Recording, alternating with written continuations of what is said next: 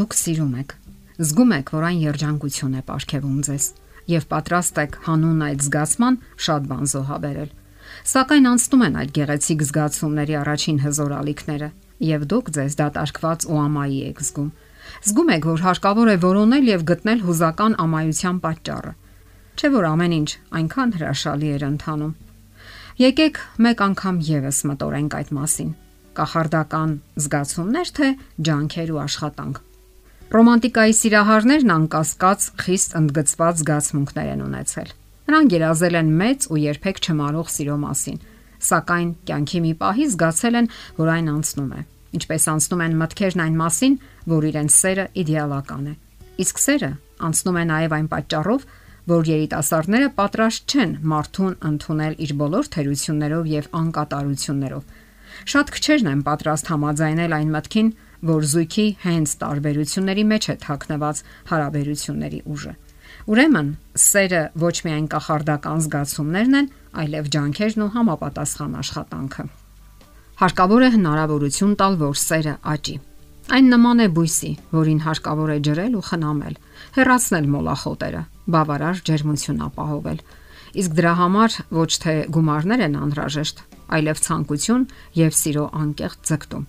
Հարկավոր է հասկանալ եւ այն իրականությունը, որ արագ են ցնդում հարսանեկան շամպայնի ցոլքերը եւ հարսանեկան տորթի հրաշալի բույրը։ Արագ է անցնում մեղրամսի հրաշքը եւ իրականությունը կանգնում է որպես միակ եւ անփոխարինելի փաստ։ Երիտասարդական հախուռն գրկախառնություններին եւ երանությանը փոխարինելու է գալիս իրականությունը։ Իրականություն, որ լի է հոգսերով եւ անորոշություններով։ Հիշեք մի այսպիսի կարևոր ճշմարտություն Դուք արժանի եք այն սիրուն, որ ինքներդ եք կերտում եւ վաստակում։ Դուք եք ձեր սիրո ճարտարապետն ու շինարարը, այն սիրո, որի համար պատրաստ եք պայքարել եւ ջանքեր թափել, որի համար ցավում եք եւ լացում, որովհետեւ սերը միայն երկնքին չի պատկանում։ Սերը ծնվում է վեճերի եւ տարաձայնությունների արդյունքում։ Երբ քայլում եք անդունդի եզրով եւ հաճախ եք անկման վտանգի տակ երբ վտանգավոր որոշումներ եք ընդունում հանուն սիրեցյալի,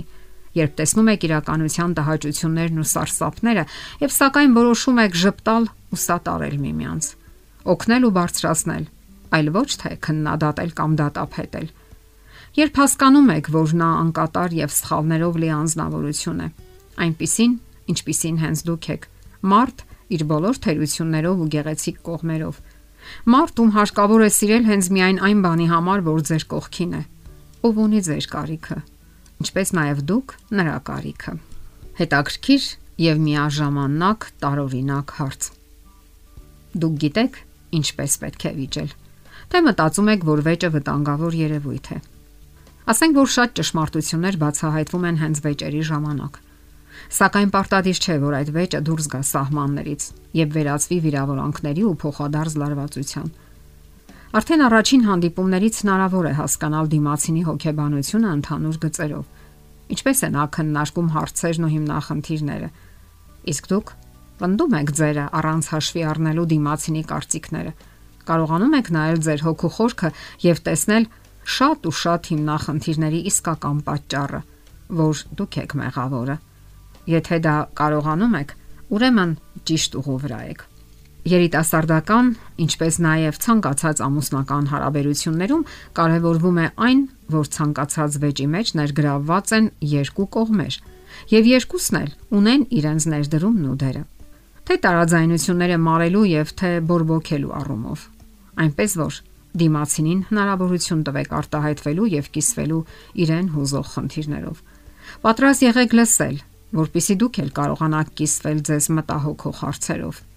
Իսկ ներելու ընդունակությունը բոլոր դեպքերում շատ կարևոր է ամուսնական հարաբերությունների համար հատկապես։ Պետք է հասկանալ, որ կատարյալ մարդ գոյություն չունի։ Պետք է կարողանալ ներել մարդուն մարդկային անկատարությունների համար։ Սա իհարկե հոգեկան ուժ եւ կամք է պահանջում։ Սակայն փոխադարձ զիջումներն անհրաժեշտ են իդեալական հարաբերությունների գնալու համար։ Եղեք այդպիսին, որովհետև միայն այդ ճանապարով է ծնվում եւ պահպանվում սերը։ Իսկ հավատարմությունը շատ կարևոր նախադրյալներից մեկն է ամուսնության մեջ։ Հավատարմությունը դրսևորվում է հարաբերության բոլոր ոլորտներում։ Կան գաղտնիքներ, որոնք միայն ձեզ են պատկանում, եւ երրորդ ականջը լիովին ավելորդ է։ Դա վերաբերում է թե ամուսնական եւ թե երիտասարդական հարաբերություններին։ Պետք չէ կիսվել նուրբ հարցերով եւ նաեւ պետք չէ པարծենալ։ Պետք չէ բամբասել կամ քննադատել դիմացինին ուրիշների ներկայությամբ։ Շատ մարդիկ հենց դրան էլ սպասում են, որpիսի միջամտեն ձեր հարաբերություններին։ Իսկ մեկ անգամ թույլ տված սխալը անգամ հնարավոր է խաթարի ձեր հարաբերությունները։ Ահա թե ամենից առաջ ինչի մասին պետք է մտածել, երբ պայմանավորվում եք միաբանել ձեր հոգսերը հոգիները, մտքերն ու ֆիզիկական զեղումները։ Դուք պետք է հասկանաք, որ այսուհետև պատկանելու եք միմյանց, որ մի եք լինելու ոչ միայն մտքերով ու հույզերով, այլև ֆիզիկական սիրո դրսևորումներով։ Սերը կարող է եւ պետք է աճի։